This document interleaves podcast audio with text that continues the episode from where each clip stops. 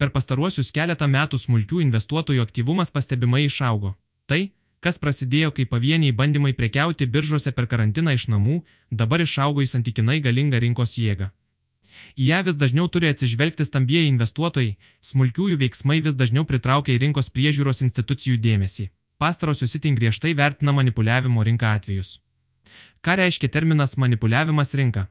Pirmiausia, prekyba vertybiniais popieriais rinkose reglamentuoja įvairūs įstatymai ir kiti teisės aktai, kurie apibrėžia priimtinus ir nepriimtinus veiksmus. Atmetus vagysčių ir sukčiavimų atvejus, rinkos priežiūros institucijos ir kiti rinkos dalyviai dažniausiai rūpinasi tuo, kaip užkirsti kelią ar nepakliūti į vadinamasias manipuliavimo rinką situacijas. Tokią situaciją įsamei apibrėžia es piktnaudžiavimo rinka reglamentas, kas laikoma manipuliavimu rinka. Tai bet koks veiksmas, kuris iškraipo ar gali iškraipyti rinkoje prieinamą informaciją apie vertybinio popieriaus pasiūlą, paklausą ar jo kainą. Tai nereiškia, kad vertybinių popierių kainos visą laiką turi išlaikyti stabilę trajektoriją. Atvirkščiai, jos turi reaguoti ir dažniausiai tą ir daro į viešoje erdvėje pasirodančias naujienas, įvykius, lūkesčius ar bendrą rinkos sentimentą. Aspektas, padedantis atskirti piktybišką investuotojo elgesį nuo sažiningo ketinimo įsigyti ar parduoti vertybinį popierių, yra paremtas sandorio sudarimo motyvu. Jei investuotojas turi aišku ketinimą įsigyti ar parduoti akcijų, kurį jis grindžia savo investavimo strategiją ar atliktą analizę, tokia elgsena greičiausia neturės manipulacijos bruožų. Jei investuotojas pirkimo ar pardavimo veiksmus atlieka pirmiausia tam, kad paveiktų akcijos kainą rinkoje ir taip gautų asmeninės naudos, tai gali būti laikoma manipuliavimu rinka. Manipuliavimo rinka atveju pavyzdžiai. Pateikiame kelis pavyzdžius, kurie signalizuoja apie galimus manipuliavimo rinką atvejus ir kurie gali tiksliau padėti kiekvienam investuotojui įsivertinti savo veiksmus. Viena - kainos pakelimas ir pozicijos likvidavimas. Tokiais atvejais dažniausiai reklamuojamas konkretus vertybinis popierius siekiant sukelti susidomėjimą juo ir paskatinti jo kainos augimą. Sulaukus likvidumo proveržio ir pakilus kainai, visi turimi vertybiniai popieriai parduodami pozicija likviduojama taip siekiant realizuoti pelną iš kainos prieaugio. Tokios veikimo schemos gali būti pakankamai rafinuotos priklausomai nuo jas taikančių nesažiningų rinkos dalyvių patirties ir kontaktų rato. Nuo tokių schemų gali nukentėti tūkstančiai smulkių investuotojų. 2. Meškų ataka. Vadinamosios meškų atakos. Metu bandoma nuspausti vertybinio popieriaus kainą žemyn naudojant agresyvę pardavimų taktiką ar trumpalaikio pardavimo sandorius. Tai yra pasiskolintų vertybinių popierių pardavimas siekiant juos vėliau atpirkti mažesnę kainą. 3. Apsimestiniai sandoriai. Tam tikrais atvejais manipuliavimo tikslas nėra pakeisti vertybinio popieriaus kainos lygį, bet sudaryti įspūdį, jog vyksta aktyvi prekyba. Tyčia sudarinėjant pirkimo ir pardavimo sandorius dažniausiai tai atliekama per kelias tarpusavyje susijusias sąskaitas. Manipuliatoriai siekia dirbtinai padidinti apyvartą rinkoje ir taip sukelti susidomėjimą atitinkamų vertybinių popieriumi. 4. Apgaulingi pavedimai.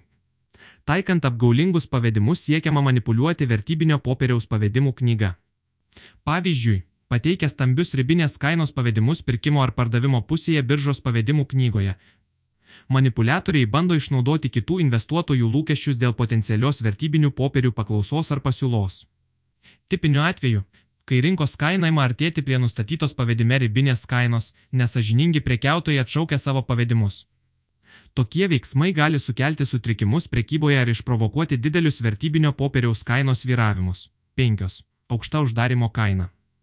Šiuo atveju manipuliatoriai gali bandyti pakelti vertybinio popieriaus kainą prieš pat prekybos sesijos pabaigą siekiant kuo aukštesnėme lygyje užfiksuoti vadinamąjo uždarimo kainą.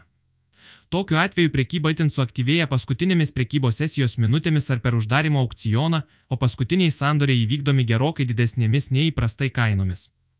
Kaip tarpininkai valdo rinkos manipuliavimo rizikas.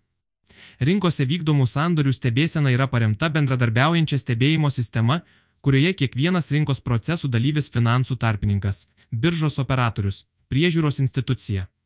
Siekia identifikuoti ir užkardyti manipuliavimo rinką situacijas, o informaciją apie įtartinus atvejus perduoti tolesniam tyrimui. Savo ruoštus Svetbank laikosi teisės aktų, reglamentuojančių sažiningą rinkos prekybą, todėl galimus piktnaudžiavimo rinką atvejus vertina labai rimtai. Pirmiausia, visa informacija apie sandorius, kuriuos klientai atlieka naudodami Svetbank prekybos platformą. Saugoma atsižvelgiant į teisės aktų reikalavimus ir siekiant užtikrinti klientų pateiktų pavedimų ir įvykdytų sandorių atitikimą. Jei konkretus sandoris sukelia įtarimą, banko darbuotojai arba priežiūros institucija gali tiesiogiai susisiekti su investuotoju ir paprašyti jo paaiškinti per biržą sudaryto sandorio motyvus.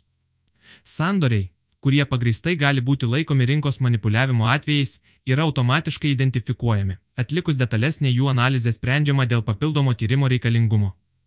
Tam tikrais atvejais Svetbank privalo pranešti apie įtarimą sukėlusius sandorius atitinkamoms institucijoms.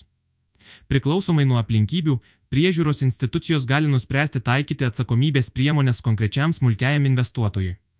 Blogiausiu atveju, toks investuotojas gali būti patrauktas baudžiamojon atsakomybėn, jam gali būti uždrausta prekiauti biržoje uždarant vertybinių popierių sąskaitą. Augantis aktyvumas Baltijos šalių biržose.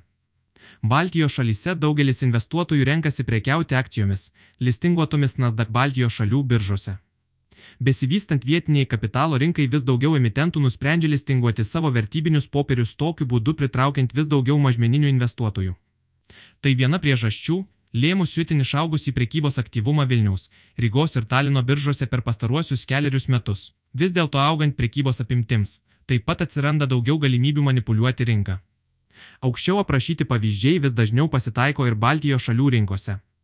Jie dažniau susiję su tais vertybiniais popieriais, kurių likvidumas yra nedidelis, nes tokiais atvejais net ir mažos apimties sandoriai potencialiai gali sukelti neproporcingai didelę įtaką kainai. Svetbank tikslas yra būti patikimu partneriu visiems savo klientams, kurie nori investuoti ir didinti savo valdomą turtą. Primiktinai rekomenduojame visiems investuotojams laikytis įstatymų ir paisyti sažiningos prekybos biržose principų, nes tai galiausiai atneša didesnę vertę visiems rinkos dalyviams. Abejotinos strategijos ne tik neužtikrina ilgalaikės naudos, bet ir gali užtraukti teisinę atsakomybę.